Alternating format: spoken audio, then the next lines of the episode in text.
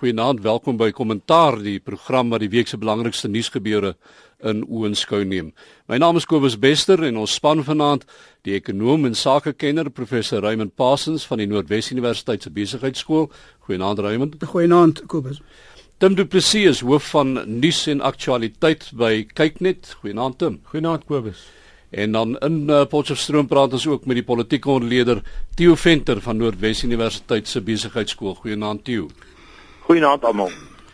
Meneer, kom ons begin by 'n uh, saak wat nou al heel week groot aandag weer geniet in al die koerante en dit bly nou maar net Marikana, die Marikana herdenking en allerhande goed wat om dit uitgekring het. Theo?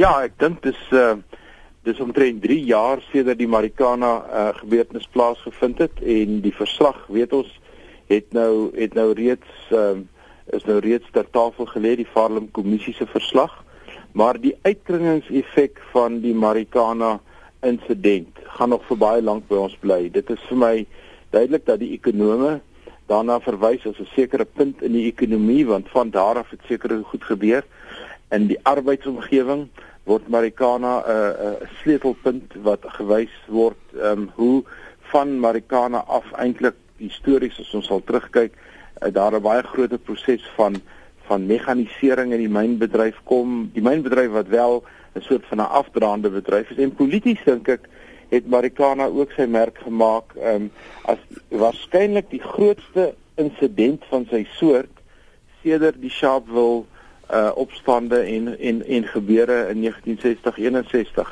So ja, Marikana gaan vir altyd betekenisvol in ons politiek bly en ek dink die die die groep wat die meeste voordeel trek of die meeste politieke kapitaal maak uit Marikana uit is waarskynlik die EFF. Raymond um, ook uh, soos jy daar gesê het, as ekonomiese implikasies hier ook. Ja, nee, kyk, dit was 'n waterskeiding, dit dit was 'n sharpville van ons tyd en ons moet dit uit daai oogpunt sien.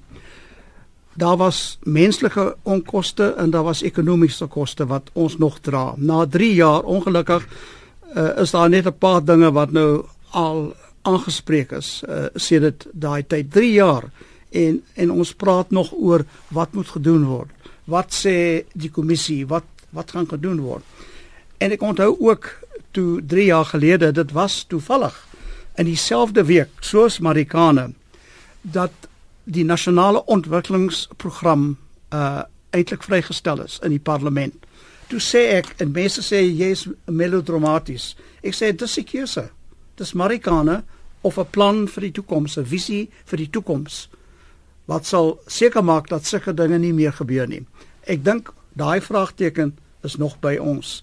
Daar is nog oplossings wat ons soek. So ek ek dink dis baie belangrik dat ons besin oor wat is die pad vorentoe want tot nou toe uh het ons nie eintlik baie bereik uh, in die nasleep van van uh, uh, daardie gebeurtenis nie. Wat Tim as ons nou kyk na hierdie ding en ek hoor nou wat Raymond sê, ehm um, dit sloer. So soveel ander goed in hierdie land, dit sloer en dan kom nie tot besluitneming nie.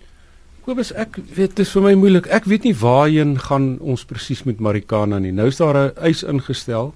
Die mynwerkers wat dood is, daar se familie het nou eis ingestel teen Lonmin teen die maatskappy daar. Hulle eis 'n amper 'n miljard rand van hulle. Maar ek weet nie waarna ek weet nie wat 'n realistiese kans het hulle om te slag nie. Nou sien nou maar net hulle kry geld, wat dan? Ek is nie heeltemal seker of Marikana in dieselfde liga is as Sharpeville en as die 76 onluste teo wat jy nie genoem het nie. Die 76 onluste was die Soweto die opstande daar was 'n baie groter keerpunt gewees as Marikana. Want wat by Marikana gebeur het en ek weet dis teen 'n agtergrond van onderus in die mynbou dis 'n af dis 'n sektor wat in afgang is. Hulle jy weet daar's loongeskille en so aan. Maar die die tragedie van Marikana het gebeur omdat die polisie nie sy werk ordentlik gedoen het nie. Hulle die die ou wat hulle die onluste eenhede genoem het die openbare orde eenhede daai kundigheid is uitgedryf uit die polisie uit Hulle het was net nie voorberei op daai situasie nie. Hulle sit hier met 'n leierskap en dit het baie duidelik in die Farlem verslag uitgekom. En dis waar generaal Riapega omstrede geraak het en betrokke geraak het. Sy was nie die regte soort leier om leiding te gee daar nie. Nie die provinsiale kommissaris was nie en dalk was daar van die polisiebeamptes op die grond wat die job kon doen, so met daai ding het op 'n operasionele vlak heeltemal skeef geloop. Ek weet nie of Marikana, hy's nou 'n moment en hy word aangegryp. Ek weet nie of hy 30 jaar van nou of dieselfde soort van betekenis gaan hê as wat ons nou nog aan hom gee nie. Dis geweldig emosioneel. Hulle sê so iets moes nooit gebeur nie. Daai klas van goed het net in die ou Suid-Afrika gebeur, maar dis meer die gevolg van swak bestuur, swak regeringsbeleid, swak regeringskapasiteit dat die tragedie van Marikana gebeur. Maar maar is die punt nie Kobus presies dat ons verwagtinge is nou hoër. Ons verwag meer as 30 jaar. Dis hoekom ons so teleurgesteld is oor wat nou gebeur. Na 3 jaar mense nie selfs nie geld gekry nie. Dis onaanvaarbaar. So ons verwagtinge is op 'n hoë vlak en ons moenie nou sê wel dis nie op dieselfde vlak nie vir die mense wat betrokke is wil hulle antwoorde hê en hulle wil verantwoording hê omdat ons verwagtinge is soveel hoër en dit is die basis waarop ons hierdie situasie moet oordeel. Jy, Tim, Tim, nee, ek dink jy's reg oor oor Soweto. Soweto was 'n groter waterskeiding as beide as beide die Sharpeville opstande of of Marikana en eh, ek sal hom in 'n in 'n ander klas plaas, maar wat wat Marikana betekenisvol maak is nie net vir ons wat binne Suid-Afrika na ons binnelandse situasie kyk nie, maar as 'n mens praat oor en net uh internasionale beleggingshuise en as mens praat met internasionale ekonome en waarnemers van Suid-Afrika en dan met Marikana op 'n manier homself in die siege van mense gevestig wat ook na Suid-Afrika kyk en in daai opsig dink ek nie ons moet die impak van Marikana onderskat nie. Jy's heeltemal reg met jou tegniese ontleding, polisie se operasionele goed en die verslag is daaroor het daaroor groot detail en en dit klink vir my dat waarskynlik op die kort termyn gaan dit makliker wees om van Ria Piega ontslae te raak alhoewel sy vir my lyk na iemand soos Margaret Thatcher, she's not a lady for turning. Sy gaan nie maklik loop nie. Maar dit gaan makliker wees om van haar ontslae te raak en nou het die regering Raymond lyk my in 'n hoek want uh, daar is hofsaake teen nie alleen Lonmin nie maar ook die regering ten opsigte van eise wat die slagoffers instel en en uh, as die regering nou toegee aan die eise dan dan dan is daar heeltemal 'n uh, 'n uh, komplekse regsposisie so Tim in daai opsig is jy reg die ding van wie waarskynlik swak leierskap um, is ook besig om in chaos uitmekaar te val. Uit dit uit um, terwyl ons nou oor die myne ook praat en uh, meer is uh, een van julle het nou vanaand nou al klaar gesê ook dis dis 'n uh, 'n uh, bedryf wat onder druk verkeer en toe gebeur daar nou hierdie week nou nog 'n ding wat uh, wat verdere druk op hierdie situasie gaan plaas en dit is China wat toe nou besluit om die renminbi of dan die die, uh, die yuan hè soos hy meer bekend is uh te devalueer. Dit het reuse implikasies uh, vir die wêreld uh, en beslis vir Suid-Afrika.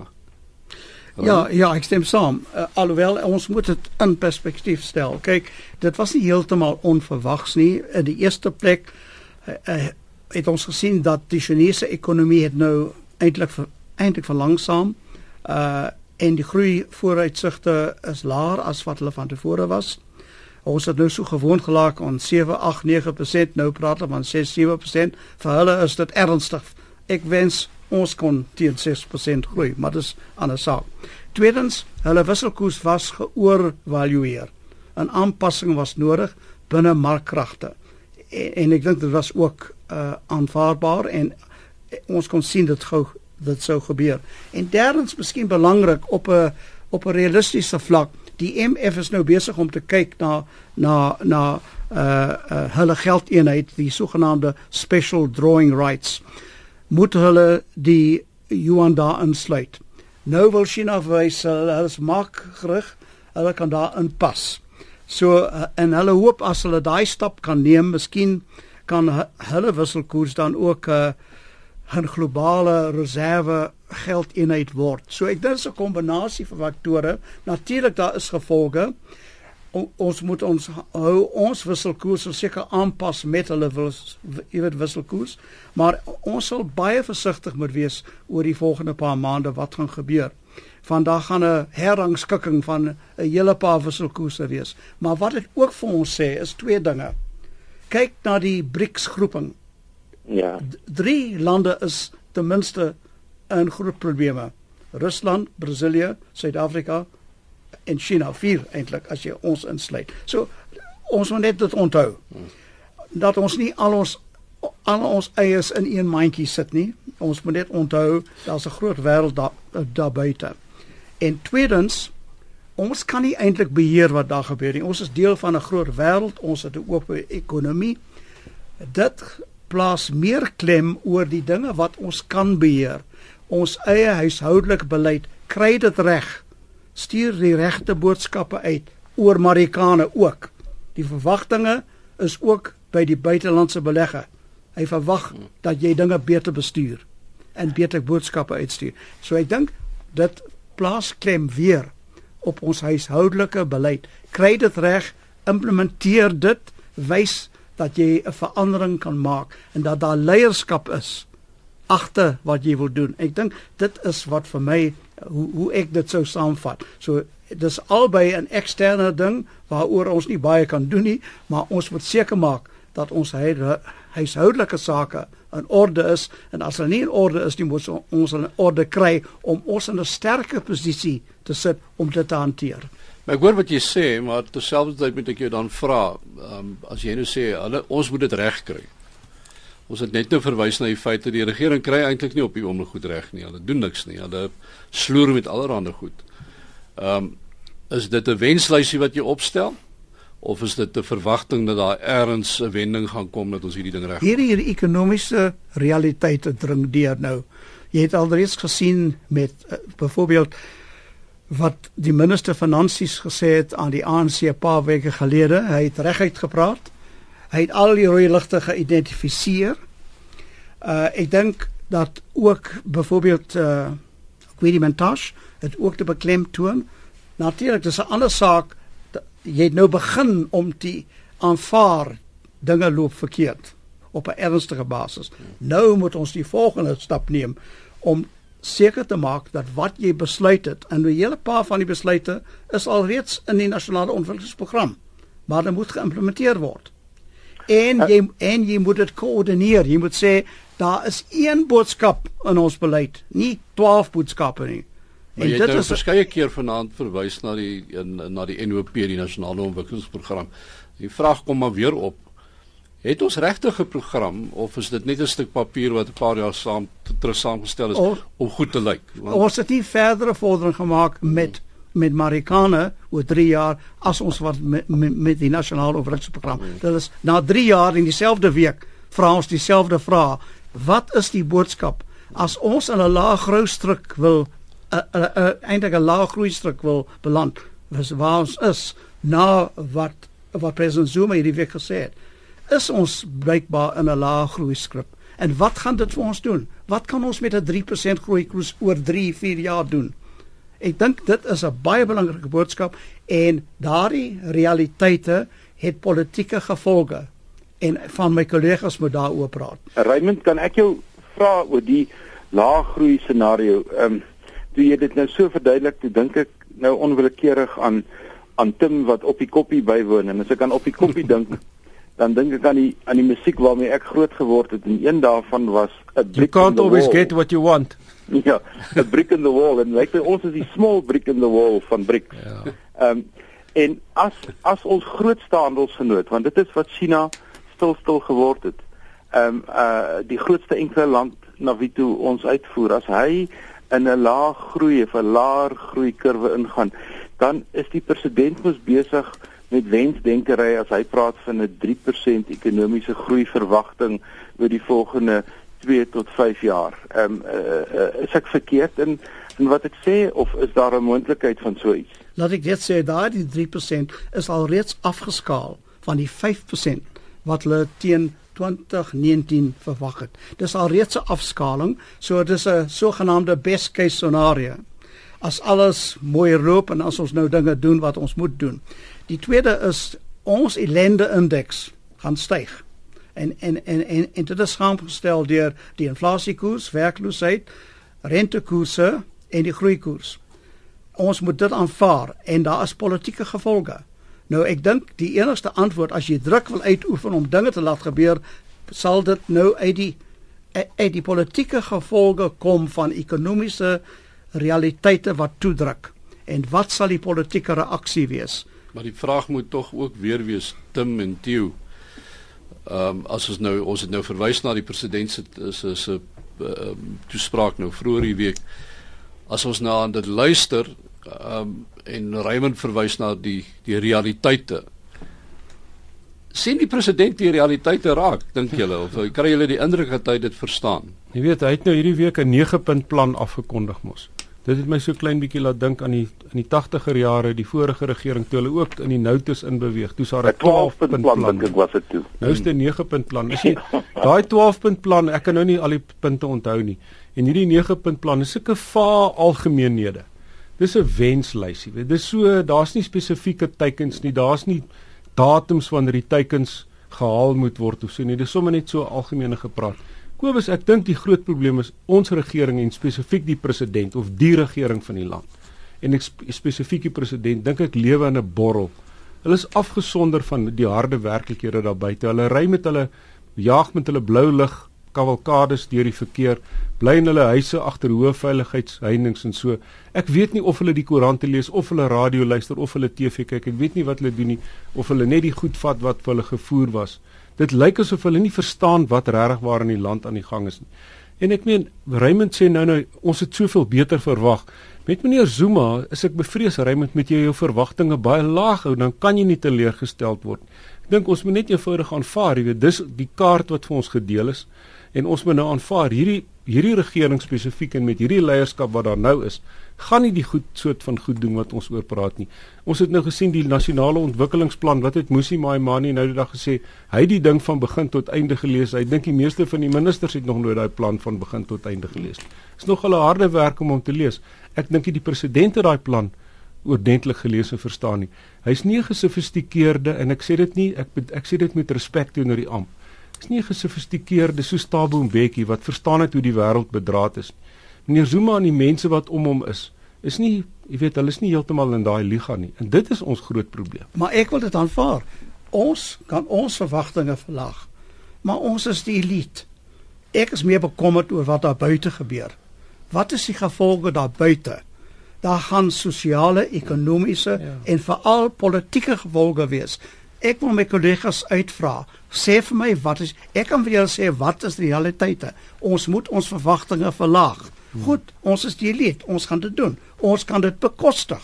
Maar wat gebeur daar buite en wat gaan die nasleep wees vir stabiliteit en vir die politieke gevolge? Ek dink dit is die belangrike punt veral dat ons nou weer naby stap aan die verkiesings en die hele opvolgstryd tussen die ANC. Dit is alles belangrik hier oor wat die pad vorentoe moet die politieke die politieke konsekwensies waarna jy vra is 'n baie komplekse ding en as 'n mens mooi daarna kyk dan tref uh, 'n uh, stukkie depressie jou van tyd tot tyd. Ehm um, Time het verlede jaar na die 2014 verkiesing 'n opskrif gehad wat die hele storie vertel het. Hulle het gesê South Africans voted for the political party they hate.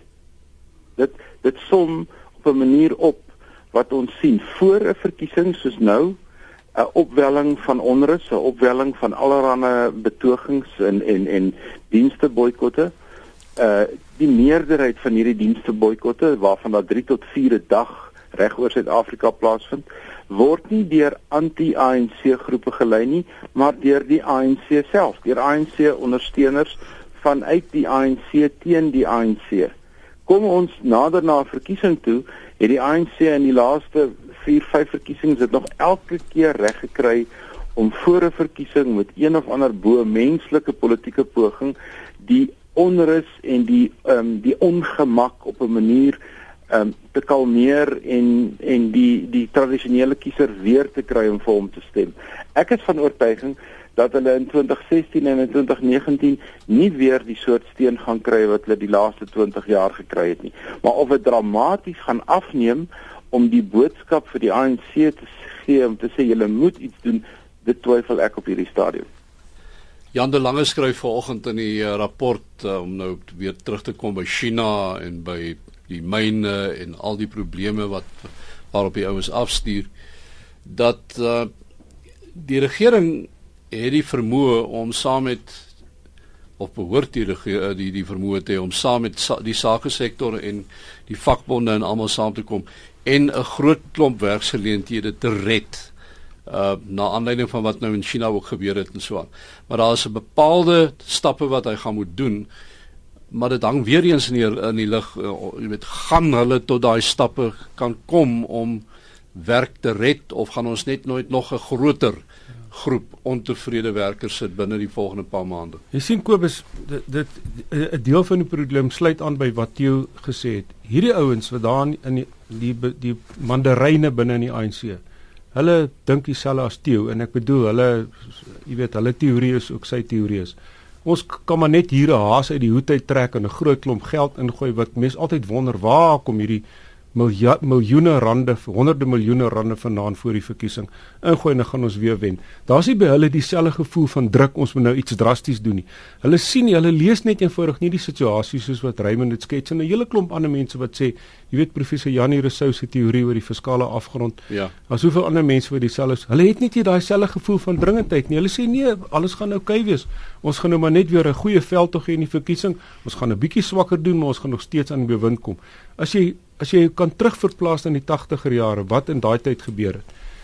Die tafel, die kos, ek wil amper sê die spens was leeg geweest. Daar was niks, daar was nie geld in die bank nie. Dit ek bedoel nou nie letterlik leeg of so nie. Maar hulle was uit opsies geweest, die die vorige regering. Hulle moes net eenvoudig iets doen. Hulle het self besef hulle is in 'n baie moeilike situasie.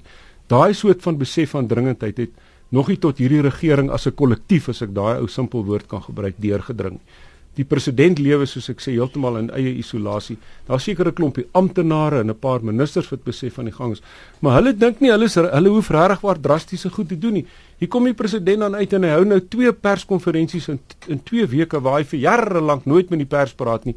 Nou jy beskielik dit lyk asof hy half begeesterd voel en dink ons sê maar al dit gaan eintlik baie goed en ek dink ek is 'n baie goeie president.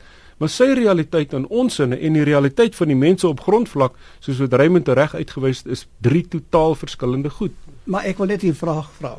Dit mag wel so wees hierdie persepsies en hoe jy die persepsies bestuur. Maar my punt is as hulle so laid back is, soos uh, Tim sê, waarom is hierdie bekommernis in Letoilies? Wat kan in Port Elizabeth gebeur? Wat kan in Johannesburg gebeur? Jy weet eh, eh, ek ek dink miskien dat die openbaar moet sekere dinge gesê word. Maar ek dink onderliggend is daar meer kommer. En die kommer wys miskien daar is 'n bewussyn van iets loop verkeerd. Miskien op nie op die skaal wat ons wil verwag nie, want jy wil eintlik mense sê kyk ons hierdie probleem vasvat. Ons gaan 'n lyn trek en ons gaan 'n lyn in die sand trek en ons gaan sekere dinge doen. Ons gaan hierdie plan implementeer. Ons gaan 'n sterk boodskap uitstuur ons is nog nie op daai punt nie, maar ek dink daar is onderliggende bekommernis, dinge loop verkeerd.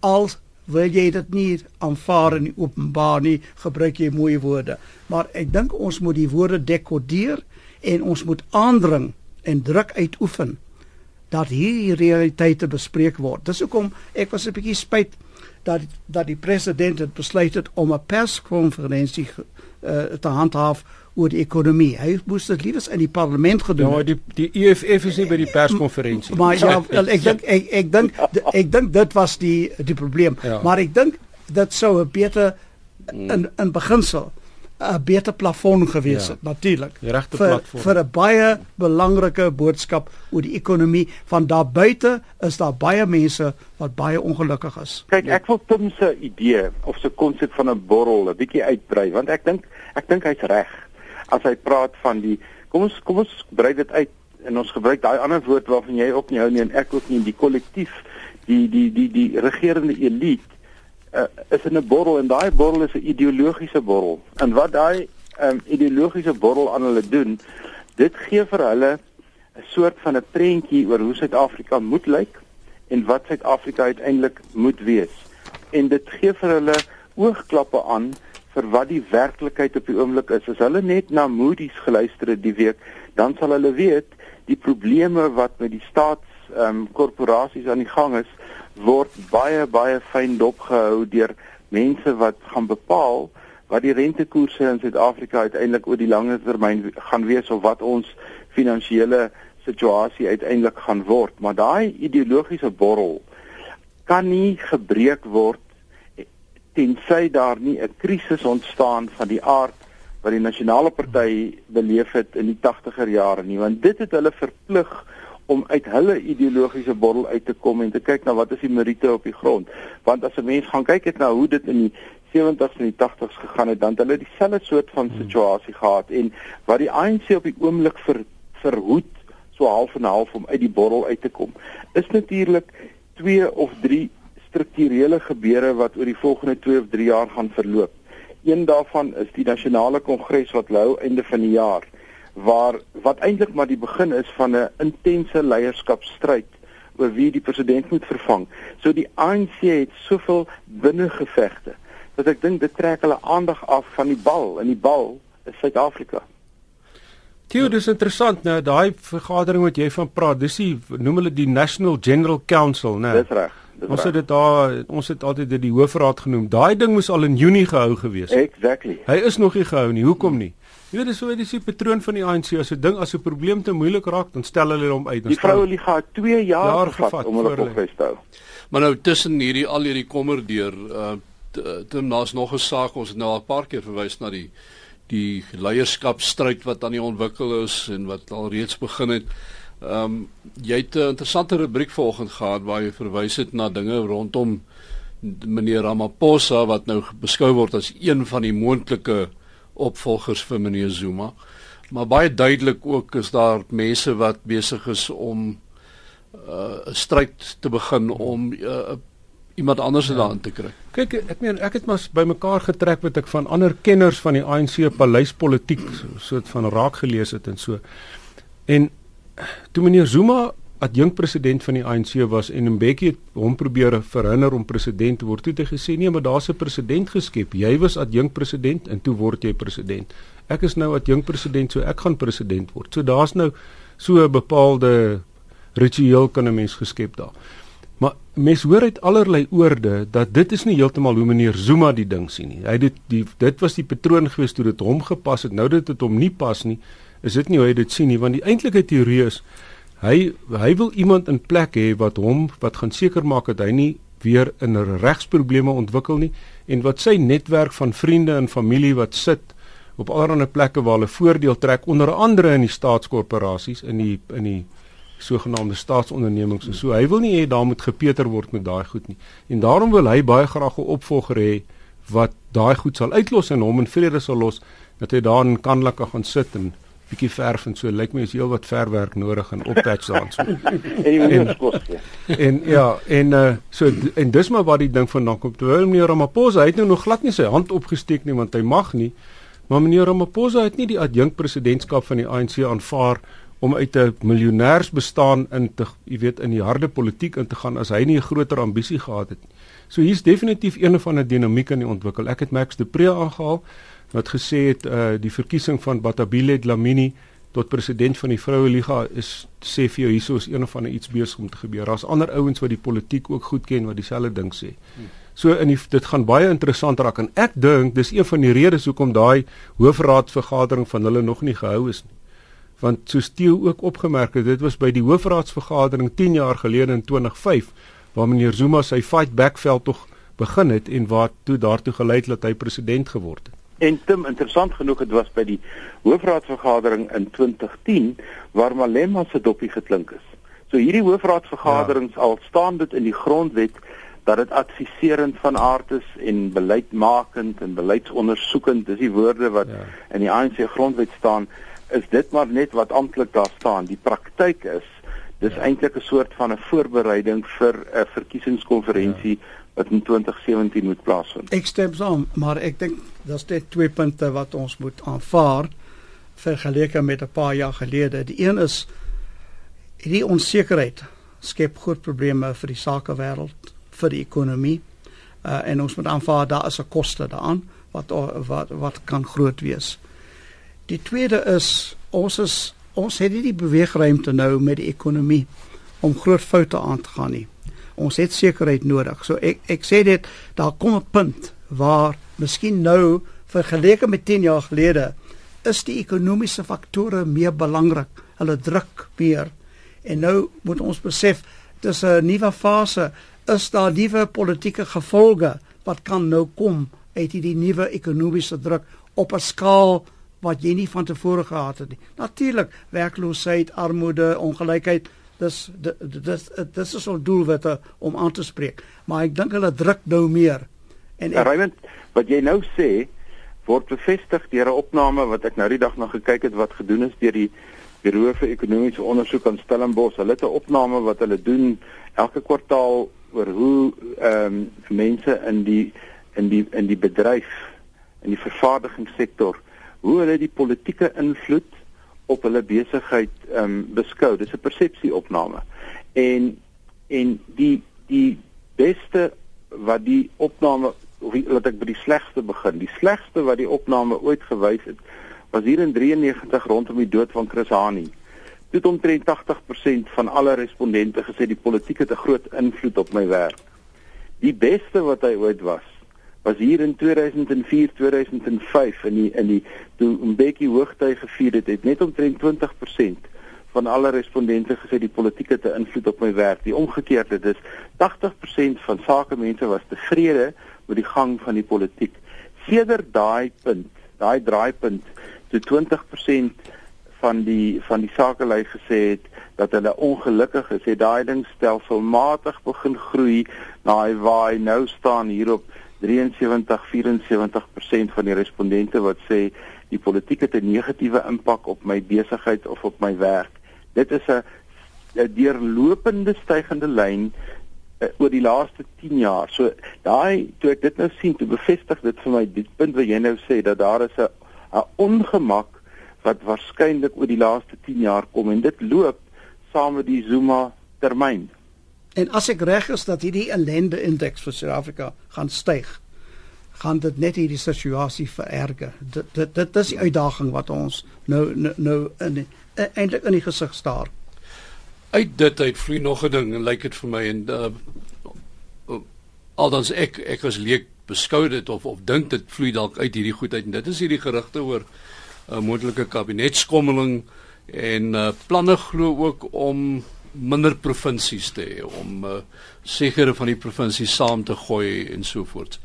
Ehm um, Tim Kobus ek het so ek het daar is iets in my wat nou die oorhand kry en dit is Jy weet, en dit is om te sê ouens wat nie eers 'n dronkparty binne in 'n brouery se pakhuis kan organise nie. Ek weet nie hoe hulle wil, jy weet, minder provinsies maak nie, want punt nommer 1, as jy die provinsies minder maak, dan gaan 'n groot klomp LURs in poste en amptenare en salarisse en goed is alles om heen.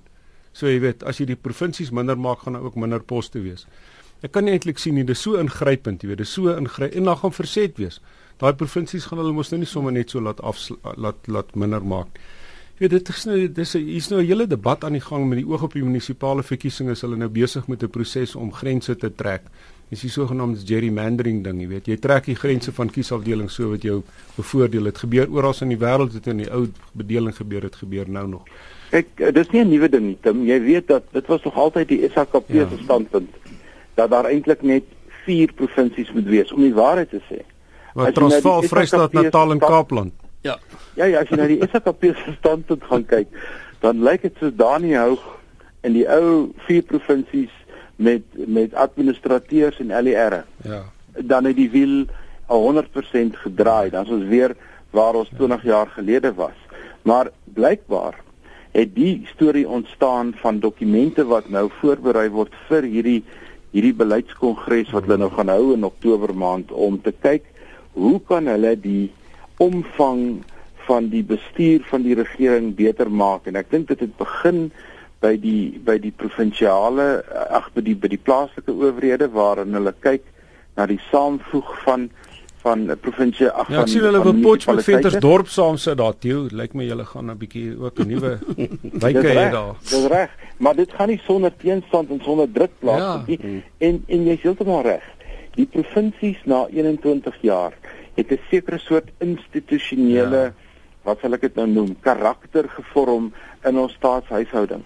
Die Wes-Kaap se se se konstitusie is deur die konstitusionele hof geratifiseer, dan word hy kan nie verander word nie. So ek weet nie hoe ver dink hulle hmm.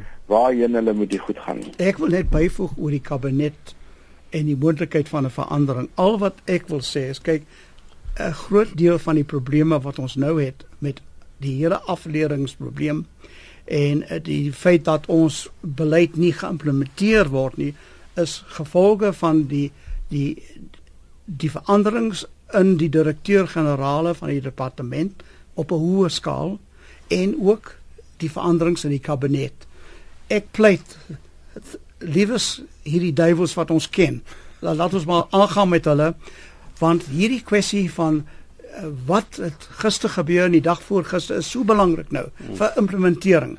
Dis hoekom baie dinge nie heeltemal rede maar een van die groot redes is dat dat dat dat dat there's no institutional memory. Ja. En en die probleem is waar begin ek? En en dit is 'n groot bydrae na die groot probleem met die vertraging om uh, te wys dat jy leierskap het ook, jy wil dinge laat gebeur, jy wil dinge laat implementeer.